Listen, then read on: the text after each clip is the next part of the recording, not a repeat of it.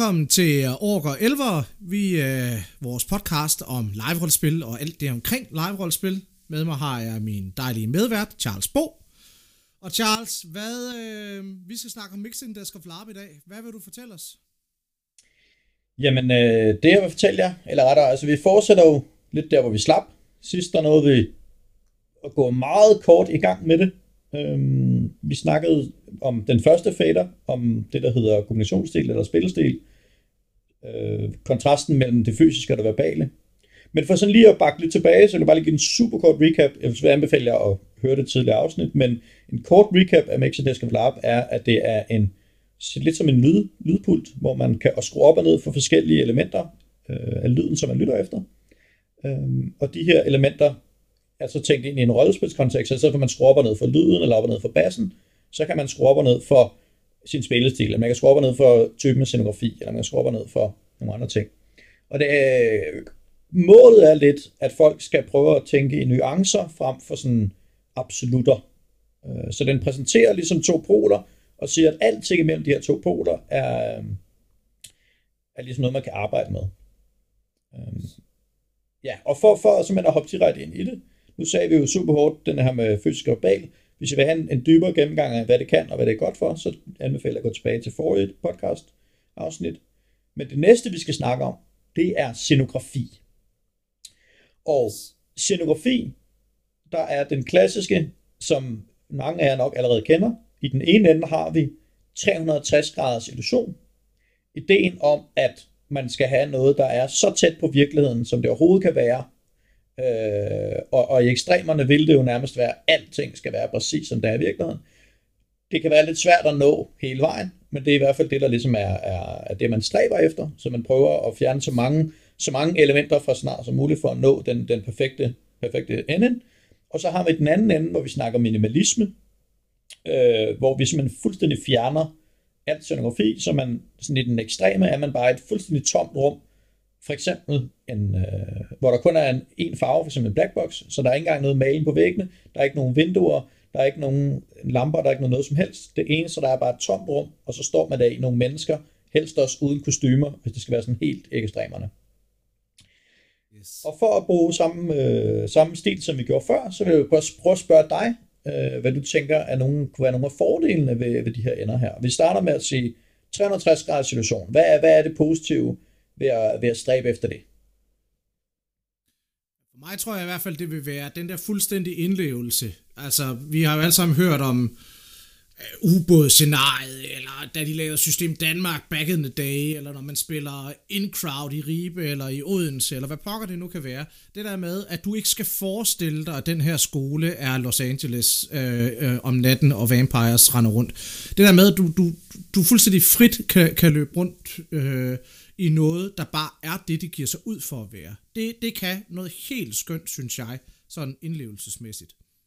Øh, så, så der er selvfølgelig også en udfordring med det, men hvis vi bare skal holde os til det positive, så, så vil det klart være øh, den der totale indlevelse. Ja. Så det er nemt, det er nemt at leve sig ind i tingene i 360. Ja. Øhm, og man kan vel sige en, en, en ting, der også er, som du også er lidt inde på, men som bare virkelig vil, vil, vil hamre hjem, at den her pointe med, at der er en, en vis form for wow-effekt ved, ved 360. Altså det kan der være. Jeg tror, jeg tror... Øh, ja, okay, altså, rettelse, rettelse, det er klart, at det kan der være, men, men det er lidt som, det er også en ting, det er også en af de ting, man ofte stræber efter, når man vil lave det 360, der man siger, at vi vil gerne have en location, som virkelig, for eksempel et rigtigt slot, eller en rigtig ubåd, ja, ja. eller en rigtig, eller et rigtigt krigsskib, eller hvad det nu måtte være. Øhm, eller man har taget en gymnastiksal og bygget om til et rumskib, men, men altså lige meget hvor man kigger hen, så kan man kun se rumskibet, man kan ikke se gymnastiksalen, fordi man er inde i den her boks, inde i en gymnastiksal, ikke? Man kunne også godt lave et rollespil om, at man spillede på en skole, altså, øh, øh, altså som skulle foregå på en skole, og så spillede man på en skole. Altså, min pointe er, at der er mange måder at lave 360 på. Altså, wow-effekten er ikke per definition givet. Det, det er ret typisk, at den så er det i hvert fald sådan i Nordic LARP-scenen, men, men, men, men den behøver sikkert være der. Det er mere det der med, at, at 360 er, at du, du virkelig ikke skal forestille dig noget. Du, du, du, du, du kan bare være fuldstændig øh, i settingen, du kan udforske. Jeg kan huske, at jeg for mange år siden spillede med til noget ved Carbos Klør. Det var Nina Essendrup og Jakob Becker, der havde skrevet det. foregik op i øh, Dagbjerg Kalkminer, og der var ingen begrænsninger, eller de begrænsninger, der var, var skjult, så jeg aldrig opdagede, at der var begrænsninger øh, på, hvor vi kunne være hen. Jeg kravlede op i bitte små huller, altså der var så klaustrofobiske, som jeg ikke fatter. Øh, og jeg, og jeg, der var på intet tidspunkt noget, der stoppede mig. Jeg kunne blive ved med at gå, jeg kunne blive ved med at, at kravle. Der var, der var selvfølgelig indgangen, der var blændet af, så, så det, det har måske, hvis det ikke var 360, det måske været 350 grader scenarie, men, men, men, men det var en vild oplevelse, det der med, at du fuldstændig flydende bare kunne være i settingen, og aldrig skulle lade dig begrænse af det. Det er det, det, det, jeg tror for mig er tiltrækningen i 360. Ja, jamen det, det, jeg synes, det, er, det er nogle rigtig, rigtig gode tanker, og jeg er rigtig enig, og det er klart, at, at wow-effekten er ikke noget, der altid er der, men, men det er noget, jeg forbinder med, med 360. Og det kan jo sådan set også jo. findes i den modsatte ende, der kan man jo sagtens have en wow-effekt. Men det er oftest noget, man forbinder for med... at lave to slot-scenarier, så du er jo en lille smule øh, biased der, kan man sige. Det er klart. Det er klart. Jeg har også lavet skolescenarier, altså jeg har også lavet scenarier, som ikke har noget wow-effekt, men, øh, men, men ja, det er klart, at, at, at det er College of Wizardry, der, der er der i hvert fald noget wow-effekt og færre og Manners. Det var klart noget, som folk oplevede, når de ankom til slottet. Det i sig selv, det er allerede en rigtig stor del af, af oplevelsen. Øh, så.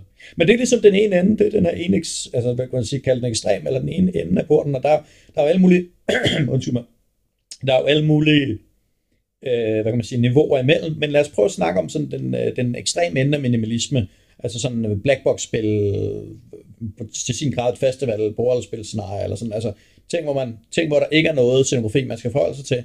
Hvad er nogle af fordelene ved det? For det første, så vil jeg sige, at jeg synes faktisk ikke Blackbox Altså, jeg er med på, at det er nede i den ende, men jeg tror, at den ekstreme version der er, er heller ikke black box. Der er simpelthen for meget lys og lyd på en eller anden måde. Øh, men, men det der fuldstændig bare rum, altså, der tror jeg, man, altså, der tror jeg virkelig også, at vi kan få lov at lege med, øh, med fantasien. Altså, der kan du til gengæld lave de der helt abstrakte scenarier, hvor du bare, altså, du spiller ærtehalm eller stjerner i himlen, eller, altså, hvor, hvor der er jo nul begrænsninger. Når der ikke er noget scenografi, du skal forholde dig til, så er der jo også nul begrænsninger. Altså, du kan virkelig få lov at lege med nogle, nogle ekstreme ting.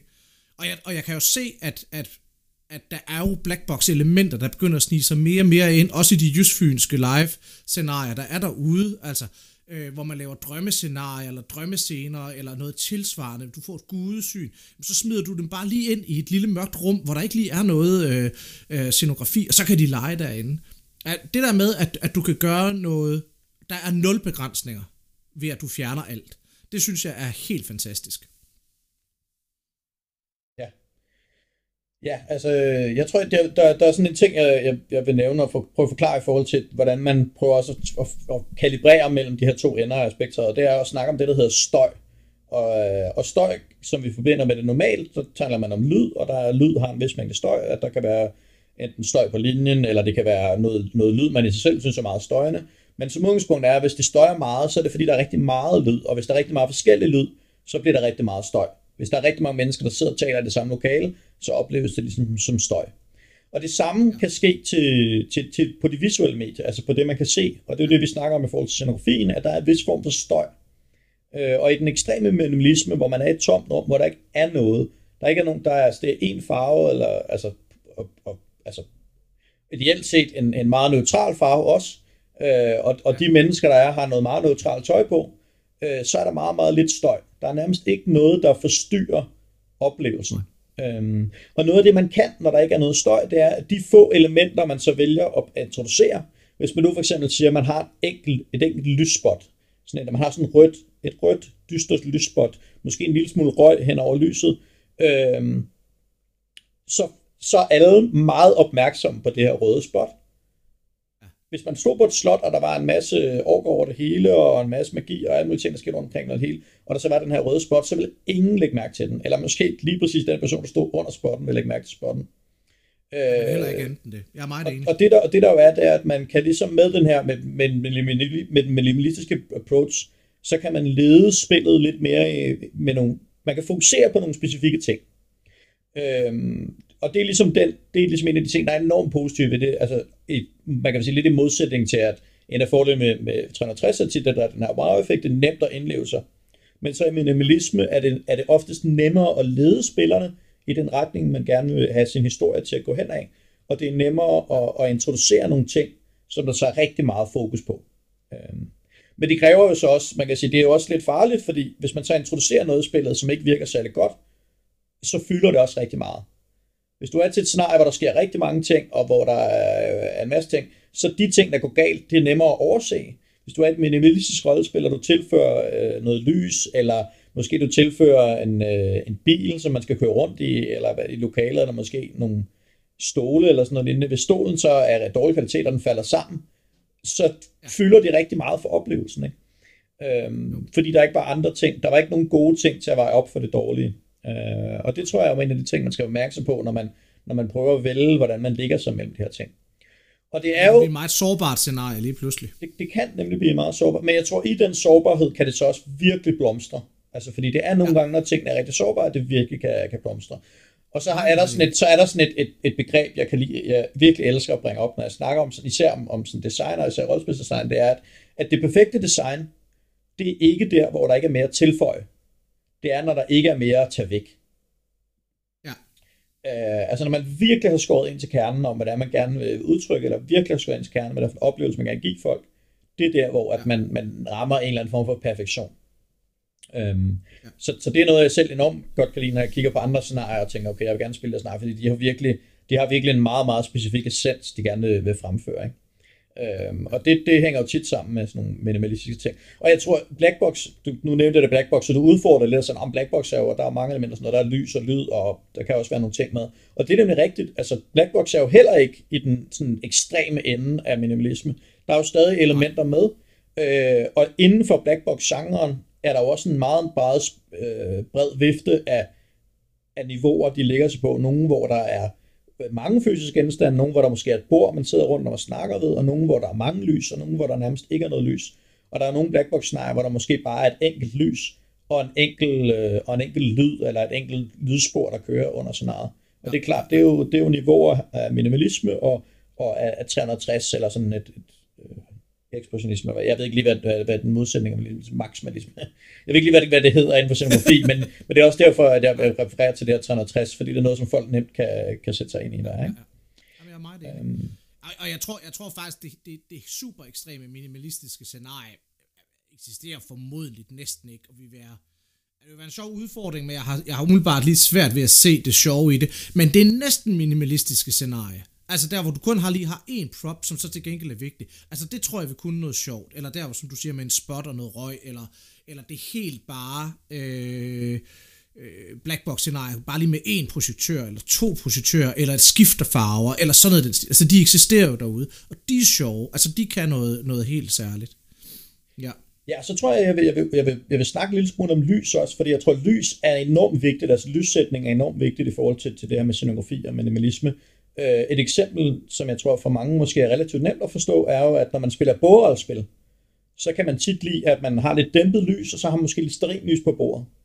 Øh, ja. Fordi det lyser folkene op, der sidder rundt om bordet, og dæmper ligesom for øh, lyset, der er rundt om os. Fordi det ofte sidder vi i lokalet, hvor der er nogle andre ting i lokalet. Hvis man nu for eksempel er et klasselokale for 3. A, så er der en masse ting på væggene, som ikke passer ind i vores Dungeons Dragons rollespilscenarie, eller vores øh, eller vores, øh, vores bleed, bleed-historie om familien, familietrauma og socialrealisme. Altså der er ting, der ikke helt passer ind i, det spil, vi spiller lige nu, og der kan man bare ved at, ved at, ved at dæmpe for lyset, der kan man ligesom nå, noget, nå lidt mere minimalisme i forhold til den scenografi, man sidder i. Og det betyder stadig noget for, hvor nemt det er at, at, at holde fokuset, når man kun kan se de andre spillere, og man ikke begynder at kigge over på en eller anden, øh, en eller anden plakat for, det ved jeg ikke, Martino som, og Mario som Martino sagde det, ikke? Og deres nye øh, fine øh, pop-poster-plakat. Fordi det gør, at man lige bliver hævet lidt ud af den, når man ser den plakat. Uh, og det er igen det der med det element af støj, som, som jeg vil anbefale, som oftest at prøve at eliminere. Ved mindre man selvfølgelig prøver at, at ramme en stemning, der passer med det lokal, man er i. Ikke? Yes. Um, så. Charles, vi skal videre. Ja, jamen det var vel sådan, den, den sådan relativt simple gennemgang af scenografi. Altså man, man kan uddybe rigtig meget, man kan snakke rigtig meget om, hvordan man kan nå de forskellige steder. Men den næste fader, vi skal hen til, for at blive færdig på et eller andet tidspunkt. Det er den fader, der hedder øh, faderen om openness. Øhm, og openness handler, altså, eller åbenhed, som man siger det på dansk, øh, handler om, at med din ene ende har man øh, gennemsigtighed, på engelsk hedder transparency, Øhm, Altså et vindue er gennemsigtigt. Det er ting, der er lige til at se igennem. Det hele er, er nemt at forstå. Det hele er nemt at... Øh, det hele er kommunikeret til alle. Der er ikke nogen hemmeligheder. Øh, der, er ikke nogen, der er ikke nogen ting, som folk har fået at vide. Man har fortalt alt til alle. Altså, altså man kan sige fuldstændig ekstreme niveau, så er det jo basically et rollespil, hvor alle er medarrangører. Der er ikke nogen, der, er ikke nogen, der ligesom er spillere og ikke har fået fuldstændig informeret om, omkring alting har været med i processen fra start til slut. Øhm, det er svært at opnå. Så, og så er der ligesom modpolen til det her, som er, er hemmelighed eller secrecy, men, men sådan, hvor man bygger sit spil ud fra og have en masse hemmeligheder. Enten noget, der er hemmeligt over for spillerne, eller noget, der er hemmeligt over for rollerne. Der er ligesom to forskellige niveauer her, man kan arbejde med. Øhm, øh, et, et, et meget berømt eksempel på, på noget med at være hemmelig over for spillerne, eller i hvert fald min, min, min tid berømt, er det der scenarie, der hedder Boldværk, som var blandt andet Søren var med til at lave, hvor at, øh, at de havde, øh, det var sådan meget seriøst middelalderscenarie, og det var sådan et krigsscenarie, og det handlede om krigens rædsler, og man var ude på den her rejse, hvor man gik rundt i landskabet, øh, og så var der den her borgerkrig, der foregik, man mødte nogle folk på vejen, og de havde det alle sammen rigtig hårdt, og så skulle man rejse hen til det her fort, som man ligesom skulle, der man skulle undersøge, hvorfor man ikke havde hørt noget fra det fort i nogle dage. Spillerne kommer igennem, lokationen kommer ind til fortet, og der, det kører over tre dage det her. Så den anden dag eller sidste dag, der kommer man til det her fort, og så finder man ud af, okay, alle folk er blevet slået ihjel, der, der er indvold, der er mulige ting over det hele, det ser rigtig klamt ud. Og så da de ligesom har, ligger sig til at gøre klar på det her fort, pludselig så kommer der et kæmpe zombieangreb. Øh, og det her zombieangreb, det var spillerne slet ikke forberedt på, fordi de var jo sådan, det var jo, du troede, det var et middelalderscenarie, de troede ikke, at det pludselig, eller sådan et low fantasy, meget seriøst, krigens rasler, de troede ikke lige, der ville komme en masse zombier. Og det er sådan et, det, det er et meget gennemtalt, gennemtalt eksempel, som vi har snakket om tit på forum, det her eksempel for boldværk med, at, at man ligesom holdt den her ting hemmelig for spillerne, hvilken effekt det havde for spillernes oplevelse. Der er ikke nogen tvivl om, spillerne blev rigtig overrasket, øh, da zombierne kom, øh, men gjorde rollerne det også, eller var spillerne så overrasket, at de ikke rigtig kunne finde ud af, hvordan de som spillere skulle reagere på det. Ja. Øh, men, men nu, nu vi er getting ahead of ourselves. Jeg tror, vi skal gå tilbage til det der med at spørge dig, hvad er nogle af fordelene med det her? Lad os starte med det her med, med et gennemsigtigt design. Hvad er nogle af fordelene ved, ved at holde alting åbent for deltagerne? Der er jo en del scenarier, der allerede gør det. Altså, øh, nu jeg skal med til et, øh, et scenarie, der hedder Forbidden History øh, her til, til december, hvor altså alle karakterer og alle, og meget af det handler om hemmelige selskaber, og alle kan gå ind og læse alles karakterer, alles hemmeligheder, alles hemmelige selskaber, fordi tanken er, at karaktererne ved det ikke indbyrdes, men dem os, der skal spille karaktererne, jamen vi ved det godt, og den måde, vi så kan spille hinanden bedst muligt op på, det er ved at skabe åbenhed.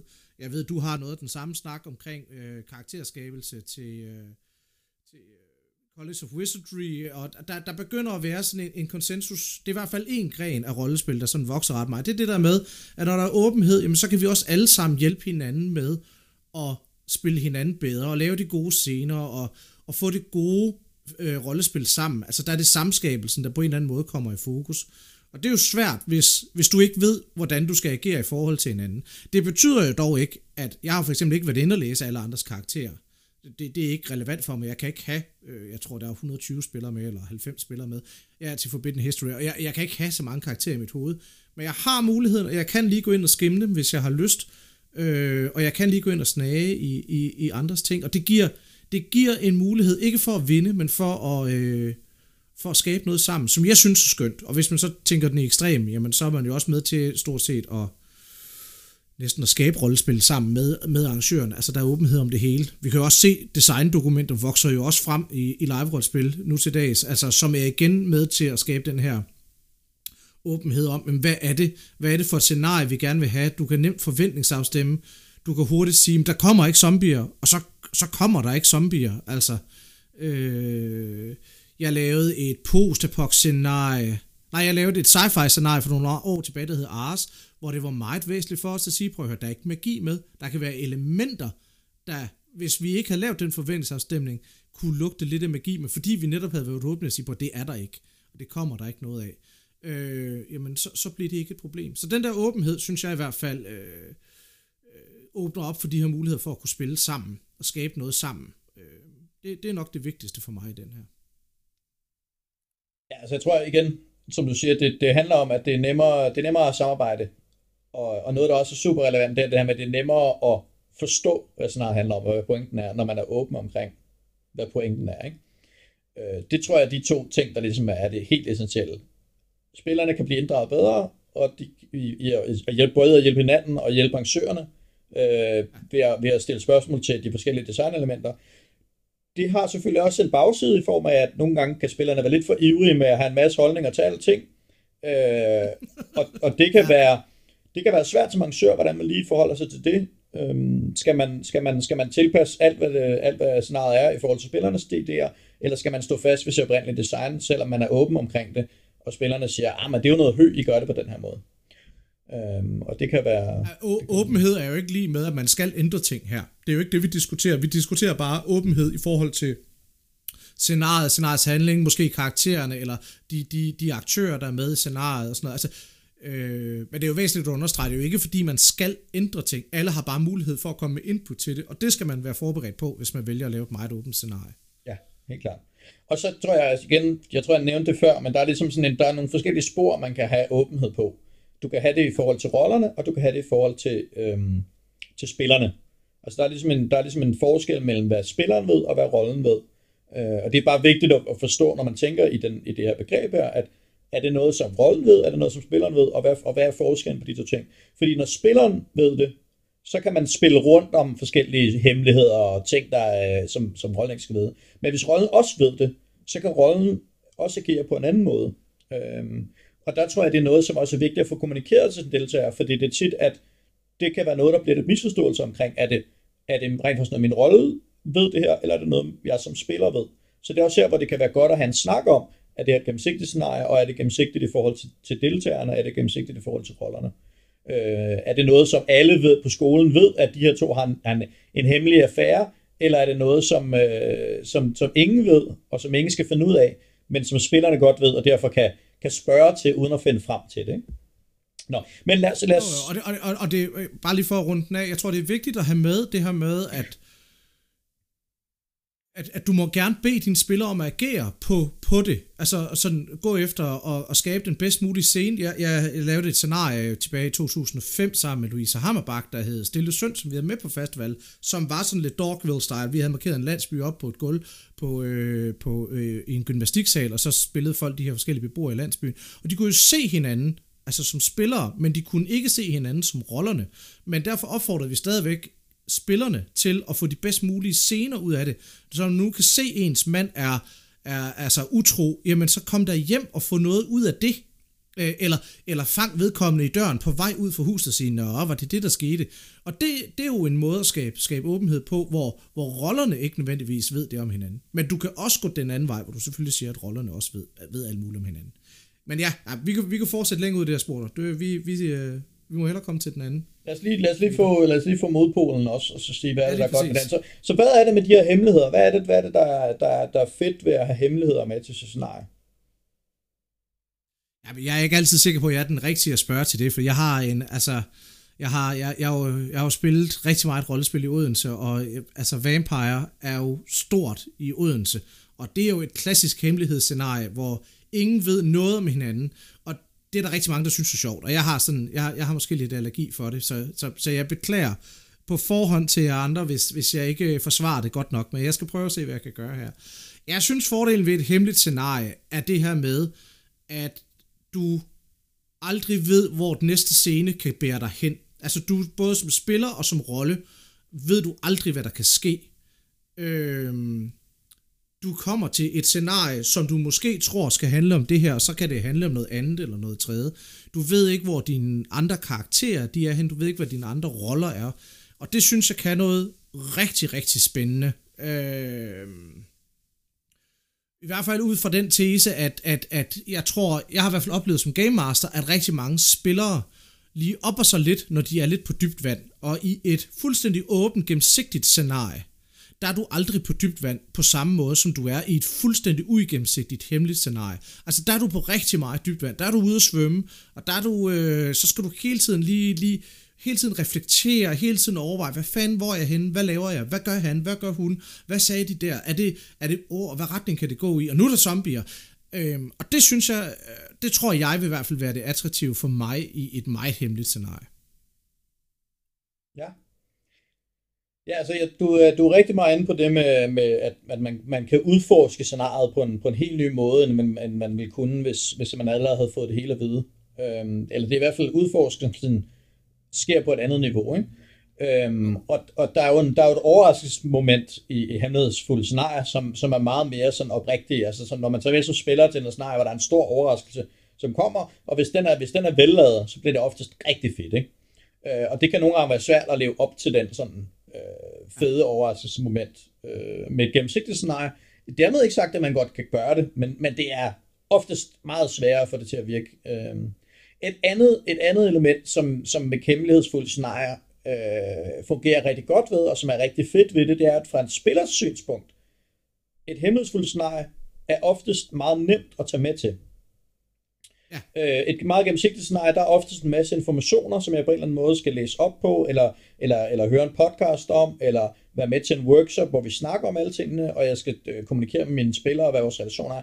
Der er oftest rigtig meget, hvad kan man sige, arbejde op til scenariet, øh, for at sørge for, at jeg rent faktisk, at den her gennemsigtighed ikke bare er en mulighed, men rent faktisk er noget, som man anvender som spiller.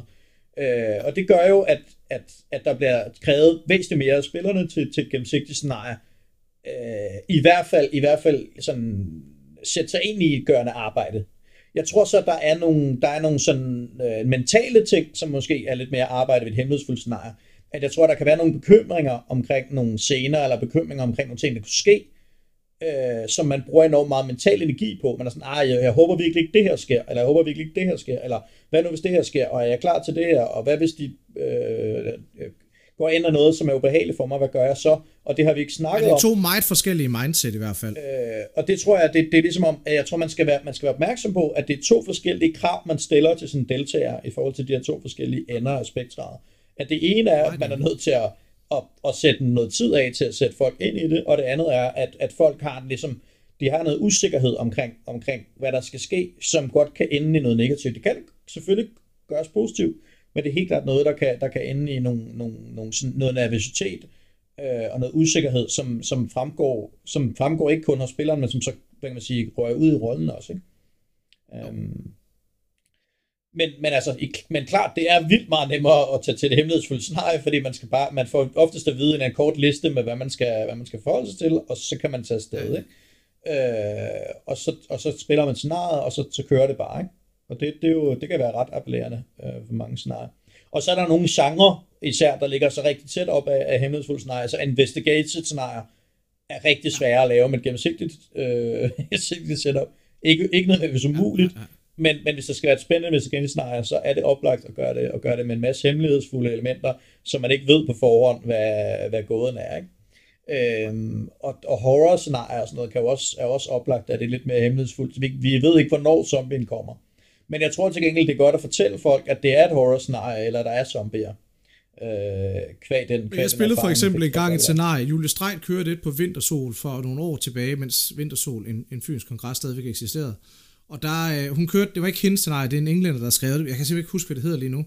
Men det gik ud på, at vi, vi var, nu siger jeg 10 mennesker cirka, der vågnede op i et lokale, og ingen kunne huske noget. Der var én, det var mig, jeg var i et hvidt jakkesæt, og jeg havde et skudhul i siden, og der lå en pistol midt på gulvet. Ingen vidste noget om karakter. Ingen havde nogen karakter. Der var nul karakter øh, til at starte med. Og så havde vi alle sammen sådan nogle små handouts, vi så fik, så vi stille og roligt fik flashbacks om noget, vi kunne huske undervejs. Og de flashbacks skulle med gå i alle mulige mærkelige retninger. Og nogle af dem virkede også som om, at de var lidt random delt ud til folk og sådan noget stil. Jeg synes, det var et fantastisk eksempel på et hemmelighedsfuldt scenarie, fordi vi, du, altså, jeg vidste, jeg havde et skudhul, jeg vidste ikke andet, og det var den eneste gimmick, der var. Og så voksede det så ellers øh, ud derfra. Det var fedt, altså, og det, det, det kunne noget. Det holdt også kun til to timer, det var det, vi spillede, og det var perfekt. Ja. Så ja. Ja, ja det, det, det er jo et fedt eksempel på, på noget, der kan være hemmelighedsfuldt, og på noget, hvor at, at man kan sige, ikke nødvendigvis hemmelighedsfuldt, men også bare sådan, at det er rigtig meget skabelsen belagt over på spillerne. Øh, fordi der, at det, lyder, det lyder lidt på den måde, du forklarer det som om, at der ikke virkelig, der er ikke nødvendigvis nogle hemmeligheder. Der er bare ikke, der er bare ikke noget, der er fortalt. Eller sådan. Nej. Det er ligesom om, der, der, der er ligesom en nuance her, som jeg tror er vigtigt at være opmærksom på. At, at, at, er det fordi, man ikke har fortalt spillerne noget, eller er det fordi, man ikke har fortalt spillerne, hvad det i virkeligheden handler om? Ikke? Øh, og er der nogle informationer, som kommer ud løbende? Det var der jo så tydeligvis i forhold til de der handouts, der var nogle, man fik mere og mere at vide, ikke? Øh, så man lærte lidt mere om The Puzzle. Og det er jo et spændingsemne. Nå, Men, lad men, os, men ja, øh, lad os, videre lad, os, lad os gå videre til det, til det næste, til den næste fader. Og den fader, vi kommer til nu, er en af de sådan, øh, ja, mildt talt ret, ret kringlede øh, faders, der kan være bøvlet at, at forstå, og som jeg tror i sin nyeste iteration, som er den, vi prøver at gennemgå, den version af den, øh, er nemmere at forstå, end den har været tidligere. Men det var i hvert fald sådan en ting, som vi på skolen, og som jeg, når jeg skal forklare det, bøvler rigtig meget med. Så hvis det er svært at følge med i den her øh, øh næste fader, så er det, så er det helt okay. Det, det, det, er ikke, det, er ikke, det er ikke meningen, det skal være sådan super nemt. Det er klart den, der er mest bøvlet. Men faderen hedder Representation of Theme, eller repræsentation af temaet. Og i den ene ende af den her repræsentation af temaet, så har man action. Øhm, eller sådan handlinger. Og i den anden ende af repræsentationen, så har man øh, historie eller story. Øh, og grundlæggende set, for at forstå det, så er det selvfølgelig vigtigt, at vi lige får snakket om, hvad er et tema. Øh, og at, at tema kan jo, kan, er jo ligesom sådan, hvad er det scenariet handler om? Scenariet kan måske handle om, øh, om undertrykkelse. Øh, og hvordan kommer vi frem til at, at udtrykke den her undertrykkelse? Gør vi det igennem en historie? Er der en eller anden karakter, som har som undertrykkelse baggrund, og, og, vi, og vi gradvist øh, får flere og flere, mere og mere forståelse af, hvordan den her undertrykkelse fandt sted, øh, og snakker vi rigtig meget om den her undertrykkelse. Er ligesom i den ene ende af faderen, det er det her narrativ, det, det, det er historievejen, historieenden. Ja. Eller i den anden ende af faderen, hvor vi snakker handlingsorienteret, er det noget, hvor vi skal prøve undertrykkelse på egen krop.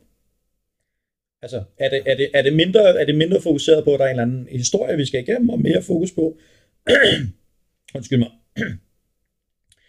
eller er der mere fokus på, at vi simpelthen skal opleve undertrykkelse på egen krop? Ja. Og det er det, som den her fader handler om, øh, og der, der er selvfølgelig en masse nuancer med om det her. Øhm, men ja, jeg håber, det giver nogenlunde mening, og om ikke andet, at du i hvert fald forstår det til at kunne sige et eller andet om det, hvad du tænker kunne være fordelen med den ene eller den anden.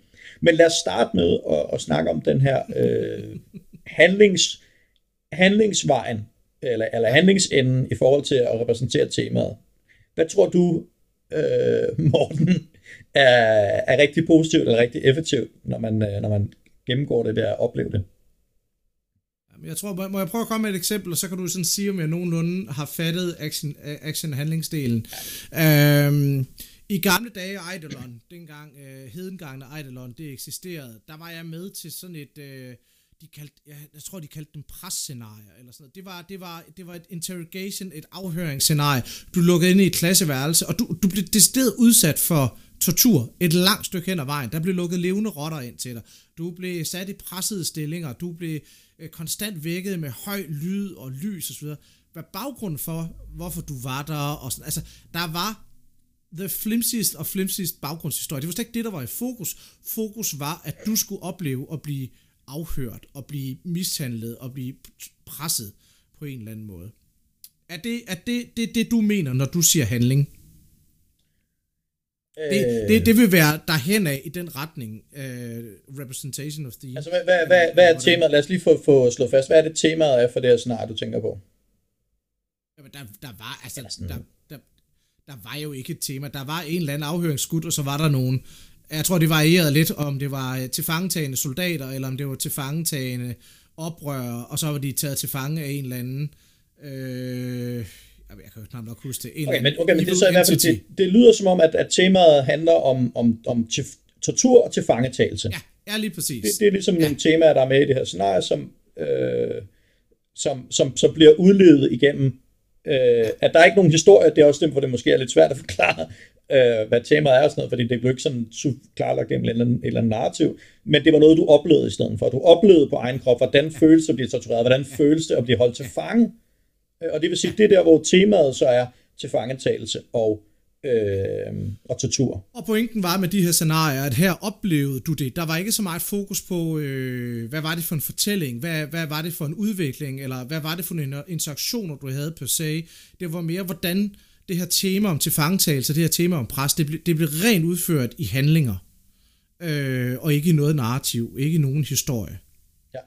Er det... Øh... Det, synes jeg, det synes jeg er et godt eksempel på, på noget, okay. på noget action, hvis det action spil. Så, så, så prøv, så prøv at sige, hvad, hvad, hvad kan det? Ja, fordi det, der så er det fede ved det, det er jo, at, at, at du, du kan ligesom, nu snakker vi før om immersion og fordybelse og sådan noget stil, her kan du ligesom få lov at bare være i, øh, i nuet på en eller anden måde. Du skal ikke forholde dig til noget før, du skal ikke rigtig forholde dig til noget efter, du kan ligesom få lov at være i nuet, når du arbejder med handlinger. Øh, hvor, og, og nu kommer jeg lidt ind på, på hvad, hvad, hvad story også kan være, for at sætte den lidt i relief til den, hvor story nogle gange øh, er, er, det er jo en kontekstbaseret fader, eller det er en kontekstbaseret pol, hvor du ligesom har, du har noget fortid, noget nutid og noget fremtid, og der, der skal ligesom være et eller andet, når du skal, når du skal udtrykke rollespillets tema, så skal det jo ligesom hænge sammen på en eller anden måde, hvor handlingerne, de kan godt, de kan godt stå alene. Øh, Ja, ja, så jeg tror for mig, og, og, og den er svær, altså jeg har også svært ved at forklare den, og det er endda anden gang, jeg skal prøve at redegøre for det her. altså jeg tror, at det der med, at du kan gøre noget handlingsbaseret, i stedet for storybaseret, for mig i hvert fald vil være en, en fornøjelse af, altså at kunne, kunne fordybe mig i, i, øh, i nuet her nu. Ja, det, det tror jeg er det bedste, jeg kommer ind på. Så ja. må du jo fortælle mig, om det er rigtigt. Jamen altså, der er da klart, øh, man er jo meget, man er, på, man er fokuseret på en anden måde. Øh, helt klart, ikke? Altså, man er fokuseret omkring de her handlinger, øh, og, og det er det, der gør, at man, man, øh, man kan opleve det på, øh, på en lidt mere ren måde, hvor at man er mindre distraheret af, af, af, af hvad, der, hvad der er baggrunden for, hvorfor vi er her, og hvor det er, vi skal hen, og mere fokuseret på at opleve, hvordan føles det rent faktisk at være fanget inde, hvordan føles det at være tortureret, øhm, og, og hvordan oplever jeg rent faktisk det, og ikke bare, ikke bare snakke om det, ikke bare prøve at, at teoretisere over det. Og jeg tror, man kunne måske komme med et andet eksempel, fordi jeg tror, at det her, den her idé om torturspil er sådan meget lige til højbenet, Men det er også for at sige, at der er mange andre måder, man kan, man kan lave actionbaseret øh, spil på. At det kunne også være, at man, øh, man har et journalistrollespil, hvor at, at, at for at sørge for, at man får det action-element med, så i journalistrollespillet, der skal man skrive en artikel. Ja, ja, ja. At det, det er sådan en meget handlingsbaseret måde at prøve at opleve at være journalist på. Altså sådan, sådan noget handler om, at vi skal være journalister, vi skal levere en artikel. Øhm, og hvor at, at, at et mere sådan storybaseret approach vil være, vi journalist, jeg min karakter er journalist, øh, jeg har allerede nogle artikler, øh, som jeg kan referere til, jeg har skrevet. Øh, det, går, det måske er sådan, måske det mindre øh, kun en journalistgruppe, måske spiller jeg en journalist, og måden jeg, jeg, jeg udlever det på, det er ved at fortælle andre om de her artikler, jeg har skrevet. Men jeg skriver aldrig nogen artikel, og jeg laver heller aldrig nogen interviews. Det er kun noget, der ligesom er en del af min rollespilsflavor. Øh, og jeg tror, med det er det måske også vigtigt at se, at man som spiller også kan tænke det her i, i sit spil. Vil jeg gerne prøve at opnå mit spil, eller min, min, min, vil jeg gerne prøve at, at køre min oplevelse hen imod noget mere sådan handlingsbaseret, øh, eller vil jeg gerne prøve at fokusere på, øh, på en eller anden form for historie med min rolle. Øh, og selvfølgelig igen, det er jo en fader, altså det er jo ikke sådan så, at man kun, at man ligesom, der er en streng, øh, kun det ene eller det andet.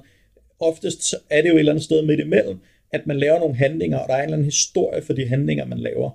Øh, men jeg tror i hvert fald, det er noget, som, som jeg tænker, at jer derude, der sådan lytter med, at når I tager til et rollespil, prøv at overveje, hvad det vil gøre, hvordan I kunne gøre jeres rolle mere, hvordan I kunne udleve gennem nogle handlinger noget mere, i stedet for kun at tænke på historie, eller hvis I er meget øh, handlingsorienteret, så kunne I måske tænke lidt i den anden vej. Hvordan kan jeg, når jeg spiller rollespil, tage ud med at fokusere på historien? Øh, hvorfor, er det, hvorfor, er, hvorfor er det min rolle gør de her ting? Ikke? der er sådan et, øh, jeg, jeg var med til, der er en række steampunk-scenarier, som er arrangeret af Maria Østerby og Anders, jeg kan ikke huske, hvad han hedder mere, Anders Jensen, men de, de har en spillergruppe, der er verdensopdagende fotografer, og så har de bygget øh, sådan et øh, fotostativ øh, med, et, med et lille digitalkamera inde i, men det ligner et gammeldags fotostativ, og de tager billeder. De er ude og tage actionbilleder af alle de her mumier og øh, bomber og superskurker. Hvad fanden der nu end dukker op på de her steampunk-settings, øh, vi spiller i, om det er ubåde, eller om det er luftskibe, eller hvad pokker det er. Men de går ud, og så tager de billederne, og de har helt klart et mål, altså nogle blade, magasi- forestilte magasiner, de ligesom tager billeder til, og det har nogle, øh, altså de udtrykker deres karakter også igennem, hvem er det, der tager billederne, hvem er det, der stiller op foran billederne osv. De fortæller ikke bare historien om, at de er fotografer og har lidt billeder at vise. Nej, de tager dem også fysisk, hvilket giver nogle fantastiske billeder til efterscenariet. Jeg kan varmt anbefale den approach. Men, men, men det er også sådan et godt eksempel på, øh, på handlingsorienteret øh, øh tema, temafortælling, temarepræsentation. Ja, så tror jeg, jeg tror for, for lige at slutte den af der med action, hvad, hvad det er, en, en, en sådan lidt anden bonus, der er ved det, og som vi jo lidt er lidt inde på, men at øh, det er oftest nemt at finde ud af, hvad jeg skal.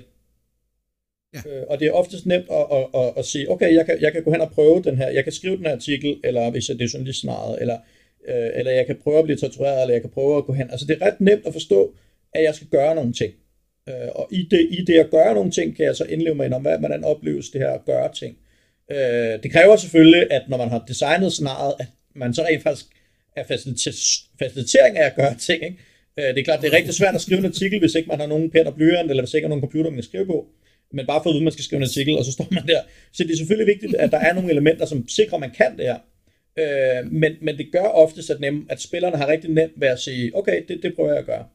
Øh, og jeg tror, den jeg sagde før med, at man som spiller kan gøre noget ved det, Altså, jeg spillede, øh, jeg, jeg spillede poet til et scenarie, og så tænker jeg, øh, jeg skal sgu da skrive nogle digte, mens jeg spiller det her scenarie. Altså, det nytter ikke noget, at jeg bare er en poet, og jeg bare kan fortælle om det. Jeg skal prøve at skrive nogle digte, mens jeg spiller rollespillet, og jeg tilbød folk, om jeg ville skrive digt til dem, og, og hvad det måtte være. Øh, og det, gav, det gjorde også, at jeg hele tiden, hver gang der var sådan et, et, et øjeblik, hvor jeg tænkte, okay, jeg ved ikke hvad jeg skal lave lige nu, eller jeg ved ikke, hvor jeg skal hen, eller jeg venter på nogle andre folk, så kunne jeg lige sætte mig ned med, med noget skribleting, og så lige skrive et digt sammen om, hvad der lige var sket i løbet af rollespillet, altså sådan, sådan for min rolle, eller altså så, så kunne man ligesom udvikle på sin historie bare for sig selv, og så havde jeg også noget, jeg sådan senere kunne få snakket med folk om, om jeg har skrevet det her digt. Øh, og det var ret fedt, hvordan den her handlingsbaserede øh, tilgang, øh, som jeg bare som spiller havde, havde hvad kan man sige, lagt ind i, i scenariet, gjorde, at jeg, jeg hele tiden havde noget at lave, og jeg hele tiden kunne, kunne, kunne, have, kunne arbejde med noget. Ikke? Men lad os gå videre. Og måske, måske okay, var de digte grunden til, at, øh, at, at, at du måske hellere skulle have lavet en storybaseret, en fortællerbaseret tilgang til det. Nu ved jeg ikke, hvor forfærdelige de digter har været, Charles, men jeg har, jeg har lave forventninger, det kan jeg godt sige. Min pointe er, at, at hvis vi skal snakke lidt om, om, om story og, og fortælle approachen, så, så, så vil det for eksempel, altså, det kunne netop være fedt, hvis man så skulle spille, nu sagde du før, journalist eller poet, og, altså, og ens digte er bare altså slet ikke på det niveau, de egentlig burde være på. Du skal spille en du skal spille en poet, der har udgivet tonsvis af bøger, og du kan simpelthen ikke altså sætte to sætninger sammen, der til nærmest lyder poetisk. Så, så dit niveau matcher ikke det, du egentlig kan. Og der er det jo fedt at have en story approach i stedet for. Altså hvor du netop kan, kan repræsentere, du kan sige, jeg har skrevet de her bøger, og så kan du citere nogle digte fra nogle bøger, men du skal ikke selv stå og finde på. Altså det vil sige, du kan lige pludselig få lov at spille noget, hvor dine evner i virkeligheden ikke er, er, er til det, men du kan lade som om.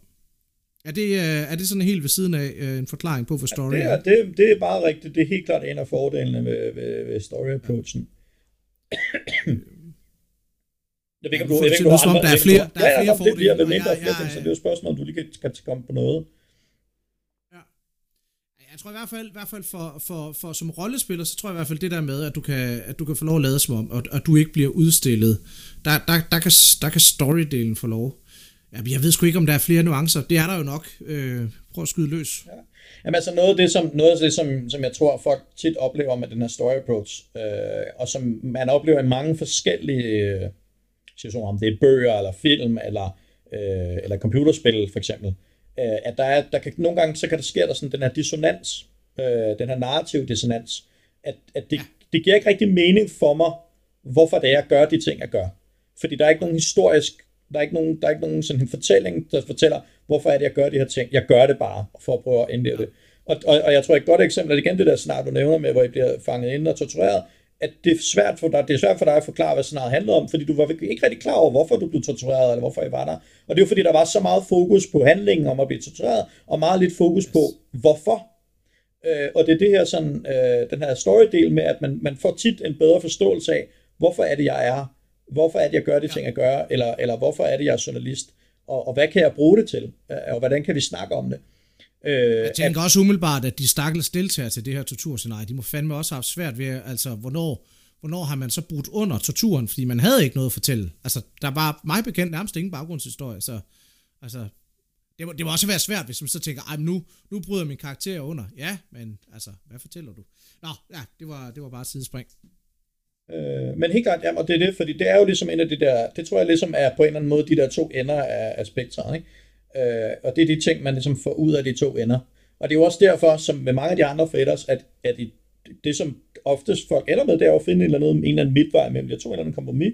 Og, øh, og det kunne man sige, det kunne være en kritik af den her model, det er, at den ligger op til, at man skal finde en kritik. Det kunne, være, det kunne vi altid snakke om. Men lad os fokusere, jeg synes, vi skal fokusere på sådan, hvad kan man bruge den til en positiv, og det er også derfor, at den måde, vi snakker om det på, prøver lidt mere sådan, lægge op til, hvad, hvad er fedt ved de her ting. Ikke?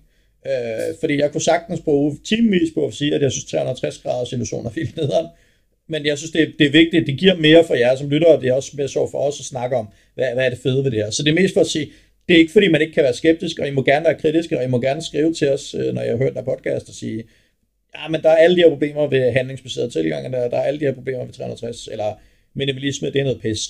Øh, det må vi meget gerne skrive. Men vores tilgang til, til, til, hvordan vi kommer til at udlægge de her forskellige ting og bøger og artikler, det kommer grundlæggende til at være med en lidt positiv, øh, eller positiv, end vi måske selv er, øh, en tilgang til det. Så det var bare sådan en lille meta forklaring af, hvad vi vil, hellere, vi vil hellere tale op. Vi vil hellere tale op, end at tale ned. Og så, og så, øh, og så kan vi altid, øh, når vi møder jer derude, så kan vi altid tage en, en, en mere øh, afrundet snak omkring det. Men, yeah, we, we talk to lift.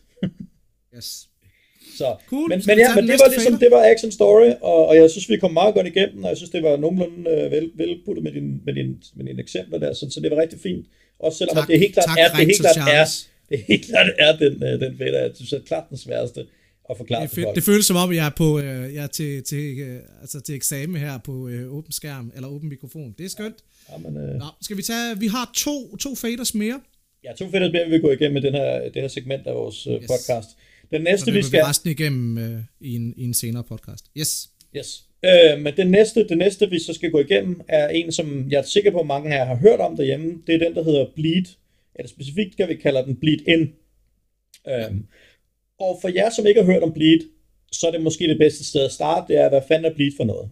Og jeg skal ikke komme med en dybdegående forklaring, jeg prøver bare at forklare det rigtig simpelt, øh, så I må være opmærksom på noget. Det her det er altså ikke øh, den super grundige forklaring, det er bare super hurtigt sat sammen. Bleed, ja, det er også, så jeg forstår det, så det er derfor. Lige præcis. Og, og bleed handler om, at øh, det handler rigtig meget om følelser, og det handler om, at man har nogle følelser, som man bleeder. Forstået på den måde, at man, øh, man ligesom bløder nogle, nogle følelser. Dem kan man enten det, der hedder bleed in, det vil sige, at man kan bløde sine egne følelser ind i rollen til rollespillet.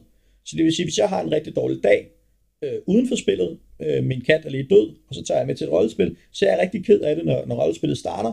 Øh, og så skal jeg spille en rolle, der er rigtig glad, men jeg har rigtig svært ved at udleve den gladhed, fordi jeg, jeg blider ind den her dårlige oplevelse, og jeg, jeg ender måske et eller andet meget mere øh, melankolsk sted, øh, end, end, jeg, end det måske var tanken til rollen.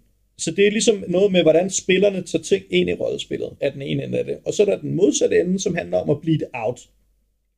Og bleed out går så ud på, at man tager noget, der er sket noget til rollespillet, der har påvirket rollen, som så jeg som spiller, fordi det er jo min krop, der er ligesom med inde i det her rollespil. Jeg er jo med til at være avatar for min rolle, når jeg spiller scenarier. Der sker nogle ting til rollespillet, som jeg som spiller tænker, det var faktisk, øh, det var faktisk ret ubehageligt, eller det var faktisk vildt fedt, eller det på en eller anden måde er noget, jeg tager med bagefter. Det kan være, igen med eksempel med, at man, ens katter de døde, og man tager til rollespil, og man havde en vildt fed oplevelse, alle var super glade for en, og gav en mega meget positiv feedback. Man kommer ud på den anden side og snart tænker, fuck, en fed dag, øh, og har nærmest glemt øh, det, den dårlige nyhed, der kom tidligere på dagen. Øh, yes. Og det, det er så det ideen om at blive og blive out. Øh, så det handler rigtig meget om, om, om følelser for, for spilleren på rollen, hvordan det ligesom ja. bløder over i hinanden. Så har vi i faderen, der har vi ligesom to ender også, øhm, for hvordan, og det er lidt det, hvordan man laver et scenarie. Øhm, og den ene ende er den, der handler meget om bleed, og det er det, der hedder close to home. Øh, eller øh, tæt, på, tæt på hjemmet, eller, eller tæt på virkeligheden. Og det, det er grundlæggende set et rollespil, hvor at øh, den rolle, jeg spiller, den minder meget om den person, jeg er i den virkelige verden. Øh, og det kan man forstå på mange måder. Det kan både være, at vi spiller et rollespil, hvor vi rent faktisk er mennesker på jorden i 2018. Vi har optaget det i 2018, så derfor er det meget, meget nært for os. Mm. Øhm, at, at, at det, det i sig selv bare at være sat der, øh, er allerede rimelig meget tættere på hjem, end hvis vi tager en, et modsat ende, hvor det er sådan en differentieret fra min, fra min virkelighed, som er den anden af faderen. Vi er på, øh, Vi, vi, spiller, vi spiller de her kosmiske lys, som, som flyder gennem universet. Øh, vi har slet ikke nogen krop, vi har ligesom sådan en, øh, en kosmisk... Øh, ja, en kosmisk krop på en eller anden måde, som er en helt anden størrelse, end den vi selv kan forestille os. Øh, har måske kun helt abstrakte følelser. Og, og vi, kan slet ikke, vi kan slet ikke tale, men vi på en eller anden måde bevæger os gennem galaksen på en eller anden måde. Øh, det er sådan super abstrakt, super differentieret øh, fra min egen hverdag. Øh, og det er ligesom den, den anden ende af spektret. En anden, en anden differentiering er jo også bare, øh, jeg spiller en ork i Ringenes Herre, det er jo også noget, der sådan, at jeg er jo ikke en ork, og jeg, så jeg har lidt svært ved at relatere mig til det, er noget anderledes.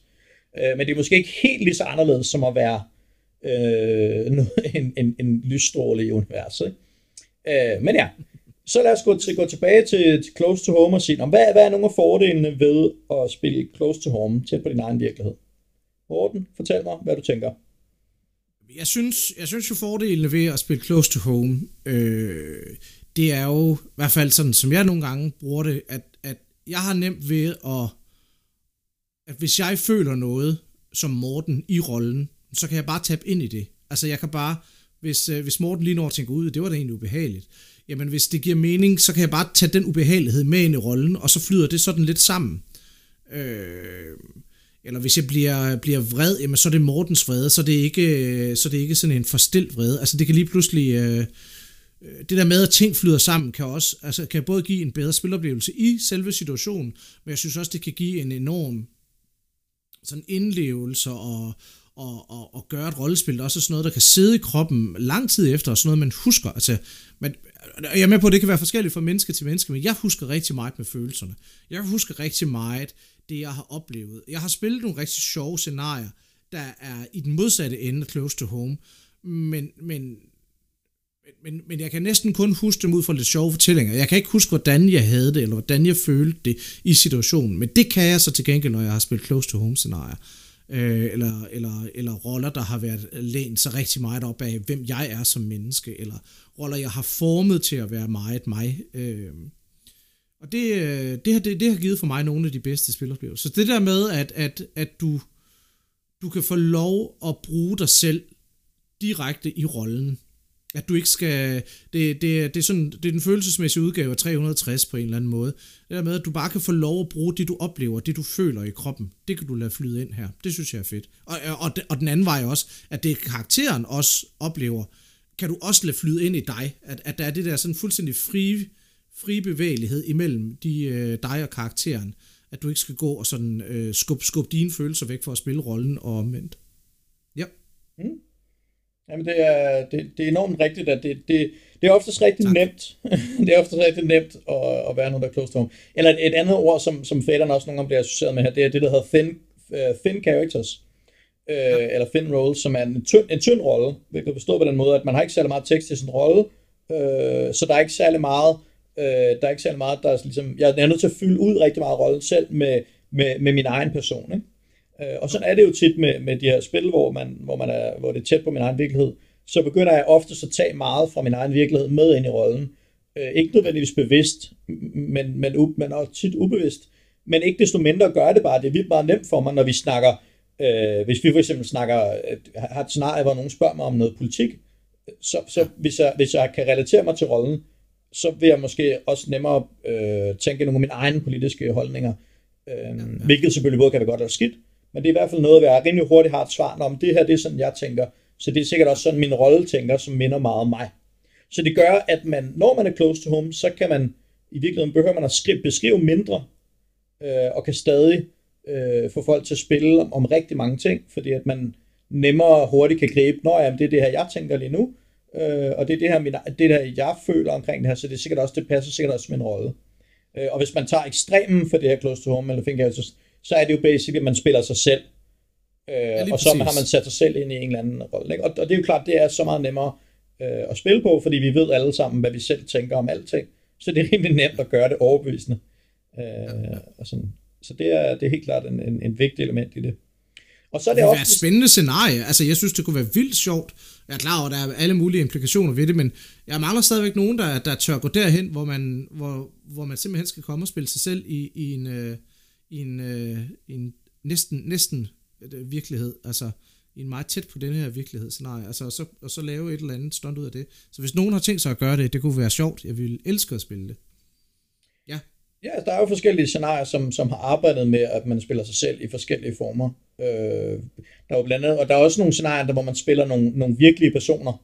Ja, det er jo også noget, der ligesom er, er, er tæt på. Jamen, måske nogle virkelige personer, man kender i scenariet, i sin egen, øh, i sin egen hverdag. Øh, hvor der er for eksempel et scenarie, hvor man spiller, man spiller en arrangørgruppe, som skal lave et rollespilscenarie.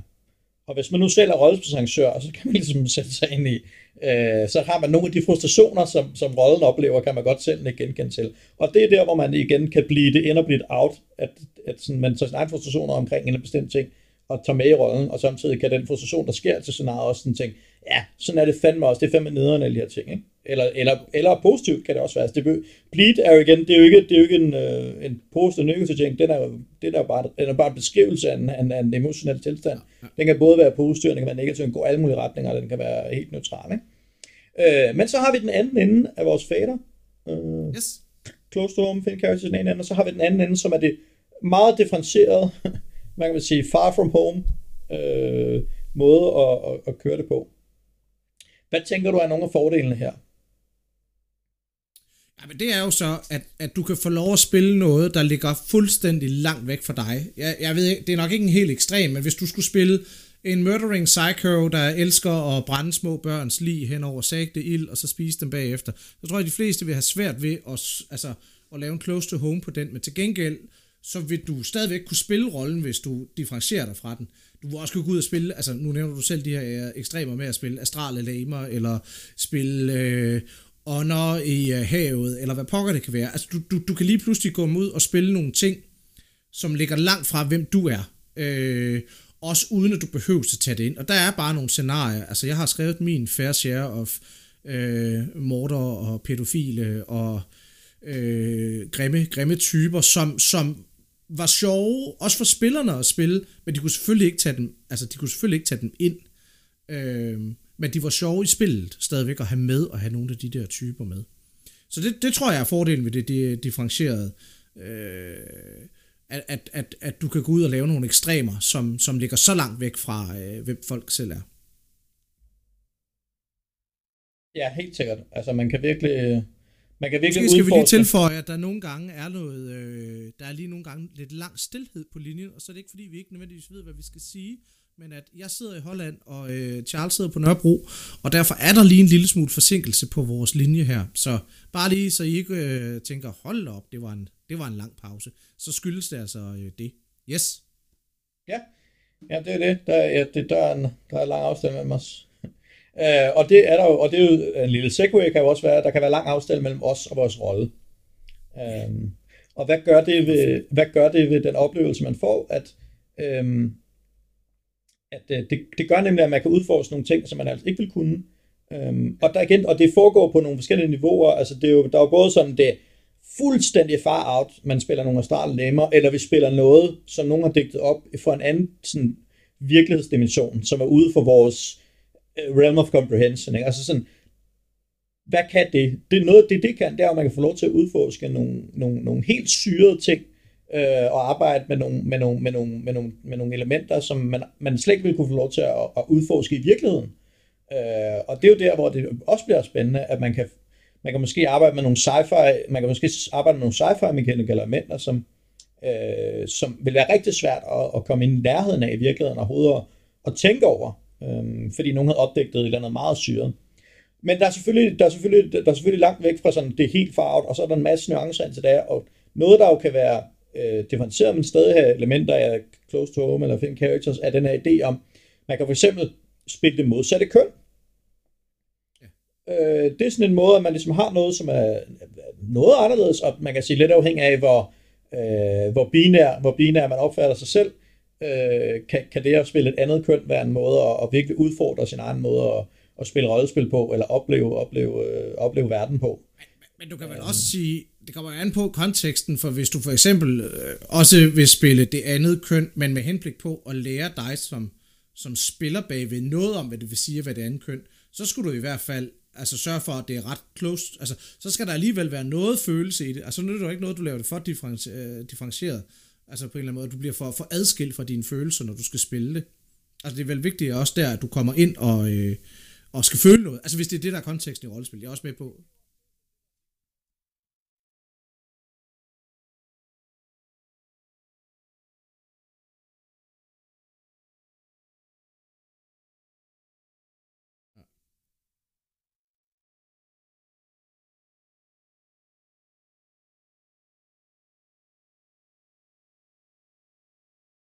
Ja, det er rigtigt.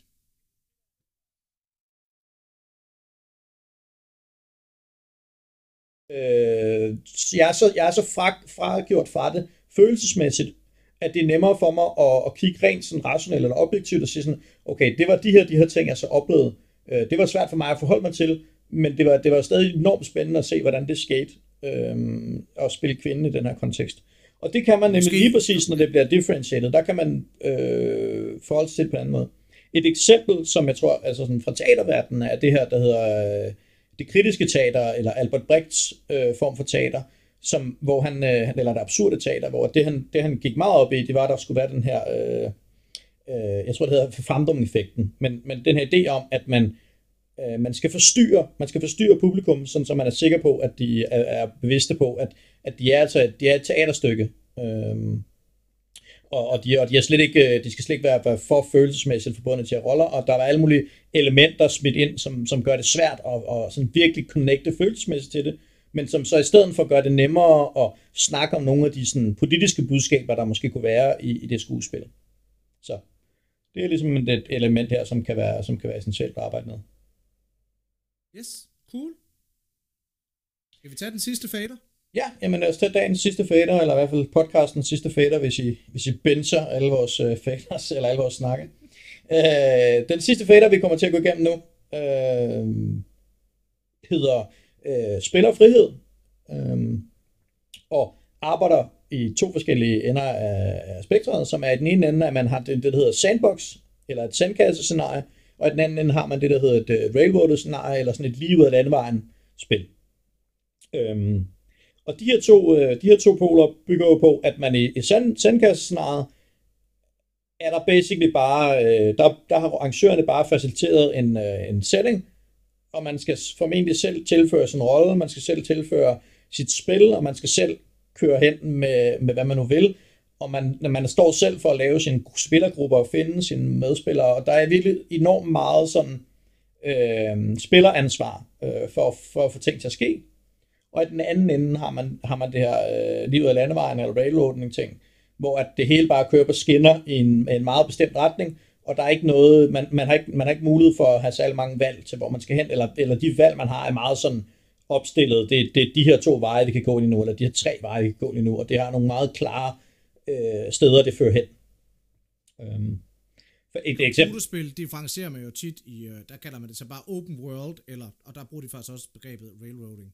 Ja, ja railroading og sandbox er, er så vidt jeg forstår, øh, taget derfra. Um, men ja, men open world er klart en, en, en nem association til sand, sandkasse. At det, det er basically, der er en legeplads, og der er nogle, nogle, nogle, nogle ting, man kan lege med. Øh, der er den her åben verden, man kan gå ind og udforske, men, men det hele er, er, er lagt ud til en. Um, så, så nu vil jeg spørge dig, hvad, hvad er nogle af fordelene med, når man så laver det her sandkasse, sandkasse øh, fætter, eller arbejder med den ende af fætteren? Altså, jeg tror i hvert fald... Øh, jeg tror i hvert fald, en af fordelene øh, er, er helt sikkert øh, den her grad af frihed, du har som spiller. Øh, jeg er med på, at der også ligger en masse ansvar. Det, det er værd med det. Men der ligger fandeme også meget an, øh, frihed som spiller. At, at du bare kommer ud, og der er en sandkast, du kan lege med. Hvis, øh, hvis det er nogle af de scenarier, jeg har lavet, så plejede vi tit at beskrive det sådan, at vi har smidt noget legetøj ud i sandet. Noget skulle du selv grave efter, noget stak lidt op, og noget var helt tydeligt men, men ellers så kunne du sådan set lege med det, som du ville. Det synes jeg er fordelen ved Sandbox. Den der fuldstændig øh, frihed, du bare har til at kunne dykke ned i, øh, i scenariet, få lov at lege, gå i alle mulige retninger. Og så er jeg med på, at, at vi taler om ekstrem her, der selvfølgelig er i den, typisk i den praktiske henseende vil være en eller anden form for begrænsning på, hvad du kan og ikke kan, men, men i ekstremen, så vil du sådan set bare kunne det hele øh, i, i ramme af scenariet.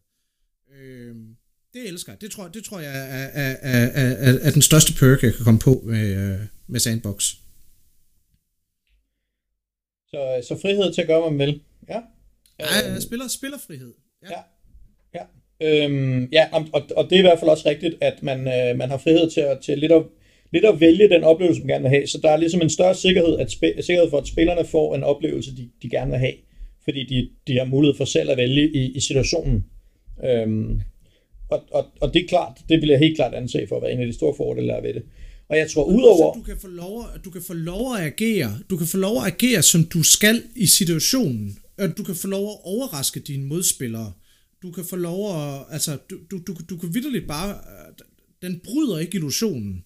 Uh, nogle gange så kan man jo godt risikere, når vi nu kommer hen til railroading lige om lidt, Altså, der kan du jo godt risikere, at nogle gange så går Gud ind og, sige, ind og siger, nu skal vi øh, vente til klokken 12, fordi det, det. Og så ved vi alle sammen godt, at det er fordi Game Masterne, de, øh, de var ikke lige klar, at man har løst plottet så hurtigt, og ikke er klar før klokken 12. Men i den ægte sandbox, jamen, der kan du løse ting, hvis vi skal bruge sådan nogle lidt kampagne, fantasy-kampagne-termer, så kan du løse ting, som du løser dem, og så er du naturligt videre i din progression, hvis det er det. Ja. Det, øh, ja. Helt klart.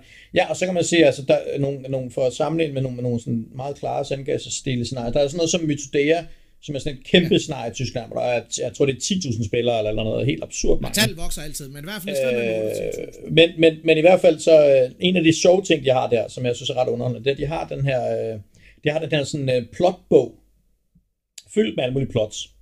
Øh, og så kan man tage fat i de her spilledere og sige, jeg vil gerne, jeg vil gerne have et plot, eller gerne opleve plot. Jeg ved ikke præcis, hvordan det fungerer, jeg har ikke prøvet det, men det er sådan, jeg har fået det forklaret. Øh, men, men man kan godt i hvert fald hen til de her spilledere, og så sige, men jeg vil gerne opleve en eller anden ting, og så siger de, okay, vi, vi giver dig, vi giver dig iskustaller, iskustaller frysplottet. Øh, og så skal man ud og, og overfalde en eller anden troldmand, en eller anden istroldmand, eller istroldkvinde, som, som kan en masse ismagi. Øh, og så er der en eller anden klar, øh, hvad kan man sige, ramme for det, så der er selvfølgelig lidt railroading lige under plottet. Men det, at man som spiller bare kan gå hen og sige, nu har jeg lyst til at løse det her plot, øh, sådan lige her klokken 3 lørdag eftermiddag, det er jo meget sådan en sandkassestil, at man sådan, nu går vi hen og så, det skal være i dag, at vi prøver at røve banken, og i morgen, øh, og så gør vi noget andet. Eller... Så, stikker, så stikker sandkassen dybere end det, fordi der er jo heller ingen kontrol med, hvilken karakter du dukker op med, og der er heller ikke nogen kontrol af den karakter, du laver. Der er nogle guidelines til, hvordan du må bruge din XP og så videre, men der er ikke nogen, der kontrol, øh, kontrollerer det. Du kan bare komme, og så kan du få flere XP, hvis du kommer med din karakter fra en anden kampagne. Legendernes Verden har, jeg ved ikke om de gør det stadigvæk, men de har i hvert fald fungeret rigtig meget på samme måde. De laver også bare en stor sandkasse. Der er nogle plots, de arrangerer, dem kan du gå ind og lege med, hvis du har lyst. Du kan også bare sidde og drikke bajer på fakalen, og det er også okay. Altså, der, og, og everything goes. Altså, jeg har mødt øh, Blood of Paladins fra World of Warcraft, der var med, og så dukkede de bare op, og der var nogle vampyrer, troldmænd, noget et eller andet, der var nogle skovfolk, og der var, der var, altså everything goes, og der er ikke nogen, der kommer og siger, ej, det kan du ikke spille. Altså, jeg tror, hvis du kommer i sci-fi kostume, tror jeg, de vil sige, ah, det duer ikke. Og jeg ved, de ikke er så glade for øh, steampunk ned til, til Mythodea. Men det er også cirka det. Det der med, at du kan bare dukke op, og så kan du lege, og så er der noget, du kan lege med. Det, det tror jeg er fordelen for mig i, øh, i Sandbox. Ja, og der, og der tror jeg nemlig også, det er vigtigt at få understreget her, at det, det, vi taler stadig om den her fader-koncept, ikke? at man har ligesom nogle nuancer imellem den ekstreme sandbox og den ekstreme railroad, at, at der er nogle nuancer, hvor at, at i nogle sandkassescenarier, så er der lavet nogle meget klare rammer om, hvad man for eksempel må komme med som rolle, eller måske har folk fået udleveret nogle roller, som skal passe inden for, inden for den fiktion, man er i, øh, men, men hvad de skal lave under spillet, må de selv finde på, så der er en masse elementer, men der er stadig en masse railroad, eller sådan klare øh, rammer for, hvad det er, vi skal, og hvor det er, vi skal hen. Øh, og, og det er jo sådan en, det er jo sådan en ting, der ligesom er vigtigt at få understreget, at, at, at at, at det, igen, det er virkelig det, ting som fader, ting som skal det være, skal vi gøre det endnu mere, øh, skal vi gøre det endnu mere sandbox, hvor vi overhovedet ikke har, har nogen, nogen som helst, noget som helst, og der er ingen rammer, og folk må gøre lige, hvad de vil, eller skal vi tænke det i den anden retning, eller er der nogle, nogle nuancer imellem. Men inden vi går for, for dybt med diskussionen, så lad os prøve at gå over til Railroad, øh, og se, hvad, hvad er nogle af fordelene ved sådan et meget øh, stramt styret scenarie, med nogle klare rammer for, hvad der skal ske? Jamen, altså, fordelen er, at du, du virkelig kan styre den historie, der skal fortælles. Øh, og det skal lige understreges, at i forhold til railroading, der, der antager jeg altid, at det er game masterne, der, der er railroader scenariet. Så er jeg med på, at der, der eksisterer formodentlig også typer, hvor øh, spillere eller bestemte typer mekanismer gør, at spillerne i helhed også kan railroad og sådan noget stil. Men, men jeg tror, for, for, for, for langt størstedelen af, af, af danske rollespillere, så, så vil det være railroading i, i kontekst af, at det er game masteren, der railroader. Og, og og det du kan gøre er jo til gengæld, at du, du har fuldstændig kontrol over historien. Alt er timet og tilrettelagt. Og i, det, i drømmeversionen, så kan du virkelig lave nogle, nogle sjove overraskelser, eller nogle, nogle wow-effekter, eller nogle twists, eller, eller, eller, eller sørge for, at øh, alle special effects de er timet, fordi kl. 12.22, der går spillerne igennem døren, og så sker der et eller andet.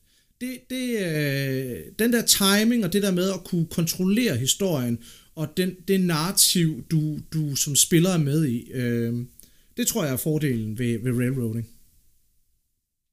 For ja, mig, helt, altså helt klart, man, man, kan, man, kan, man kan meget nemmere lave sådan en, øh, en følelse af, at man er en, en, en crazy fed actionfilm, øh, ja. hvis, hvis, hvis eksplosionerne er der på det rigtige tidspunkt. Ikke? Og det er vildt meget nemmere at sørge for, at de er der på det rigtige tidspunkt, når man har øh, et, et, et vist niveau af railroad. Øh, Øh, man har nogle klare rammer, som spillerne skal gå ind. Altså man ved for eksempel, som du meget rigtigt siger det med, at spillerne er øh, på, på handelspladsen, der er det klokken 3, så det er klokken 3, at dæmonen øh, bliver fremkaldet og angriber hele byen, ja. eller, eller det er der, at øh, henrettelsen sker, eller vi får videre, at kongen er død, eller hvad det nu er.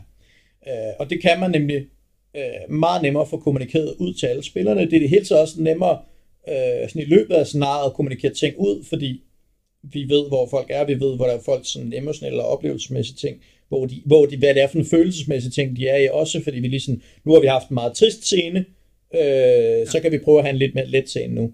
Hvor at til sandbox nej, hvis man prøver så at introducere noget, okay, nu prøver vi at sætte nogle NPC'er ind til sandbox så kan det nogle gange være svært, fordi at spillerne øh, er gået hver deres vej, og har meget forskellige oplevelser, de er gået hen til, og så pludselig så laver man en eller anden scene, og så når vi skal alle sammen hen på handelspladsen og, og opleve den her ting, man kalder alle folk over, og så bliver der en eller anden ting, som folk skal forholde sig til. Og for nogen, så er det bare totalt malplaceret, fordi de var gået i gang med at hedkalde dæmoner i skoven, og nogle andre, de, øh, de, de havde den her meget seriøse handelsdisput om, hvordan priserne skulle sættes på markedet. Øh, og det var det, vi skulle snakke om på markedspladsen, vi skulle ikke snakke om dæmonenhedkaldelsen. Og det var vildt, vildt syret for de her folk, som, øh, som, som prøvede at fremkalde dæmoner, at det ikke var noget, der var taget op. Øh, og, og det er sådan en, det er sådan en ting, hvor at, at den her railroading helt klart kan, øh, kan sørge for, at, at vi, vi er det samme sted, og vi får den samme oplevelse. Og når man, når man tager til et railroad-scenarie, så er det også oftest nemmere at, um, øh, hvad kan man sige, at, at sige, hvad, ved, hvad tror jeg, de andre spillere gør? Fordi det sandbox-scenarie, det fede det er, at jeg kan få lov til at gøre, hvad jeg vil. Problemet nogle gange kan være, at alle de andre kan få lov til at gøre, hvad de vil. Og hvis de, hvis, de, hvis de vil noget, som er fuldstændig anderledes end det, jeg vil, og de gør en retning, og jeg går en anden retning, så kan jeg godt sidde og tænke, okay, vi, vi er sgu lidt til nogle forskellige scenarier, og, og det er lidt mærkeligt lige nu. Ikke?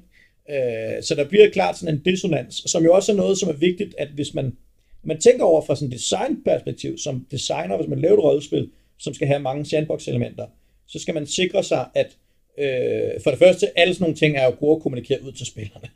Øh. Number one, ikke? Men, men to, nummer to er jo også det der med at sørge for, at okay, der er nogle ulemper her, som er, at, at spillerne kommer til at være nogle forskellige steder. Hvordan, hvordan sikrer vi, at facilitere, at de kan være forskellige steder? Altså, fordi hvis vi alle sammen er i det samme rum, men vi får at vide, at vi kan gøre, hvad vi har lyst til, øh, så er det meget, det er meget svært at sidde og, og hedde kaldimoner i den ene ende af lokalet, og have handelsdisputter i den anden ende af lokalet, uden at det forstyrrer hinanden rigtig meget. Så man skal sådan sørge for rent sådan, logistikmæssigt at kunne facilitere det, men også, øh, også at øh, også tænke i, hvad kan man gøre for, at, at når vi så har samlet spillerne igen, hvordan sørger vi for, at de kommer, kommer hen med det rigtige mindset. Altså et, et eksempel på, øh, et eksempel, jeg synes var sådan en fin mellemløsning, hvor vi brugte Øh, jeg, jeg skrev et øh, uh, sci-fi scenarie sammen med Torben Mortensen tilbage i 14, tror jeg det var. Og der, uh, der byggede vi en rumstation, og vi kan godt lide sandkassescenarier. Men vi var også klar over, at vi havde en logistisk udfordring med, at vi kunne simpelthen ikke bygge rumstationen klar fredag eftermiddag fra eleverne gik hjem og til spillerne ligesom skulle starte. Så vi skulle ligesom bygge rumstationen i afdelinger. Så vi havde de her luftsluser, som, øh, så det var helt tydeligt, hvornår de her luftsluser, de åbnede og lukkede, eller hvornår de åbnede. Men der gik bare noget tid, og hver gang en åbnede, så var der en ny luftsluse, der var lukket længere hen, og så kunne vi således bygge rumstationen øh, sådan i forskellige sektioner dernede af. Og det var helt gennemskueligt for spillerne, øh, hvornår, øh, luft, jeg tror kun det var den første luftsluse, hvor, der, hvor, der, hvor, hvor vi lige skulle være helt sikre på, at alt var klar i den anden ende, og ellers så fik alle, så kunne man altid gå hen og så se på luftslusen, hvornår åbner den, den åbner om 10 minutter, den åbner om en time, eller sådan noget den stil. Så det var railroadet, hvornår vi åbnede luftslusen, men selve sandkassedelen, det der med, at de kunne stadig få lov at lege med alt det, der var i sandkassen, så gjorde vi bare sandkassen gradvist større undervejs. Var sådan en, øh, var, var, en, var en løsning, jeg synes var sådan en elegant måde at, at både lave sandkasse, men selvfølgelig altså railroade lidt, hvad er det for nogle informationer, man får, hvornår, hvornår kan man komme til at lege med legetøjet i sandkassen. Jamen det var så styret lidt ud af praktiske årsager. Ja, helt klart. Ja, og det er jo en, det er jo en måde, at det bliver gjort på. Yes. Øhm, men, men, men ja, men det var, det var så, øh, jeg synes, det var, nu fik vi gået det meget godt igennem, og det var ligesom den sidste fader, vi snakker om det nu, og jeg tror, øhm, jeg havde en anden tanke, som, øh, som lige forsvandt for mig, øh, men, men sådan en idé til, en metatanke til, hvordan man skal forholde sig til de her her, men men ja, det kan være, uden, du kan tage det i, så kan det være, det, det kommer i næste. få den til tredje program. Ja, ja, ja lige præcis. Så, øh, så lad, os, lad os få rundet yes. den her af, og sige, sige tak for, at I lyttede med. Øh, og vi ja. håber, I vil være med på den næste også, hvor vi gennemgår nogle flere faders. Og øh, følg, øh, sørg for at abonnere på os, og lige om lidt, så kommer der også en Facebook-side, hvor I kan følge med, hvor vi nok skal gøre opmærksom på, at øh, hvornår de næste afsnit kommer ud. Vi går efter at øh, udgive cirka to gange om måneden, eller hver anden uge. Sådan er det lag. Det er kun lige her i starten, at vi lige laver tre podcast ret hurtigt, så der lige var noget katalog, I kunne arbejde med. Men yes, tak for i dag. Vi ses. Hej. Hej.